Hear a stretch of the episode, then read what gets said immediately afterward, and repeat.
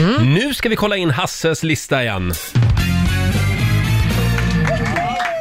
Ja, det är ju Nobelpristider Mm. Eh, och eh, vi har ju haft eh, den senaste åren, två åren har det varit väldigt mycket kontroverser kring Nobelpriset kan man säga. Ja. Ja, lite tjafsigt. Lite tjafsigt, men nu är de tillbaka på banan säger de och så eh, ger de ut litteraturpriset då, och så blir det ett himla liv för de ger ju till en kille som heter Peter Handke. Just, Just det. det. Som liksom har eh, försvarat, eller i alla fall förringat de serbiska folkmorden och sånt där. Så då Mm. blir det ett himla liv igen. Så Han gillade Milosevic. han gillade Milosevic, så att eh, de är ju på banan igen kan man säga. Mm. Ja, Svenska Akademin går från klarhet till klarhet. klarhet. Men det är inte första gången. Det har länge varit eh, kontroverser och skandaler kring eh, Svenska Akademin.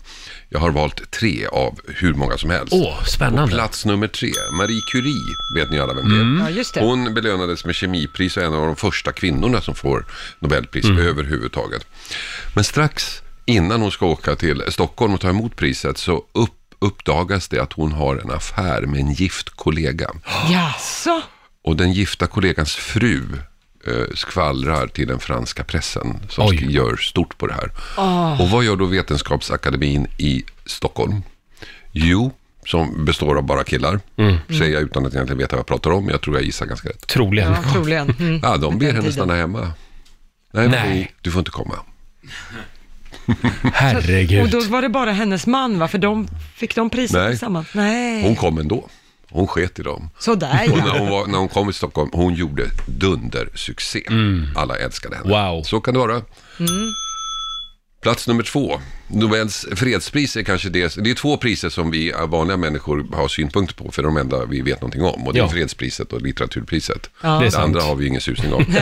Gissa vem som nominerades 1939 för fredspriset? Ja. Adolf Hitler. Ja, Adolf Hitler nominerades faktiskt.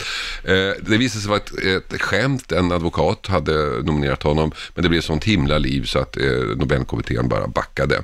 Hitler hatade eh, Nobelpriset för det var en eh, tysk journalist, Karl von Ossetsky, Belgien, eh, som fick eh, Nobelpris fredspris eh, 1935 och han var Hitlerkritisk. Så Hitler förbjöd alla tyskar att ta emot Nobelpris och skapade ett eget alternativt Nobelpris. Jaha. Ja. Ah, vil- vilket trevligt samhälle. Ja, men det vet vi inte så mycket om. Men då kan man ju tycka att, ja, eh, hur kan man nominera Adolf Hitler? Ja, 1945 och 48 så blev Stalin nominerad Jaha. till Nobels En fredspris. annan trevlig En kille. annan trevlig Ja, kille. Men det var alltså en person som nominerade Hitler, det var inte ett helt Nej, det var en parti liksom. eller så. person, en advokat som sa att han gjorde det på skoj. Mm. Ja, precis. Och testa. Och man får väl nominera typ vem man vill? För nu såg jag Ja, att det Donald tror jag. Trump har ju också blivit nominerad. Ja, ja, det tror jag. Sen tror jag att det, eh, utan att veta vad jag pratar om igen, men beroende på vem som nominerar så har väl nomineringar olika tyngd. Jag kan tänka Ja. Mm. om det är liksom Svenska Freds, så har det kanske hö- större tyngd än om, om, Om jag Roger skickar hör av in mig. Mm. någon bara. Ja. Okej, skandal nummer ett. Ska vi köra? Ja. Bland alla skandaler Mm. så glömmer vi gärna en av de största skandalerna, Mhm. nämligen Alfred Nobel själv. Jaså? Ja, idag så ses vi han som en uh, misantrop, som någon som har stöttat forskning och fred och allt sånt där. Men på sin tid var han ganska kontroversiell.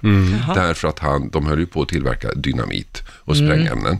Och faktum var att hans bror dog några år innan honom. Och en fransk tidning eh, fattade fel, så de trodde det var Alfred Nobel som hade dött. Så då skrev de en artikel om honom.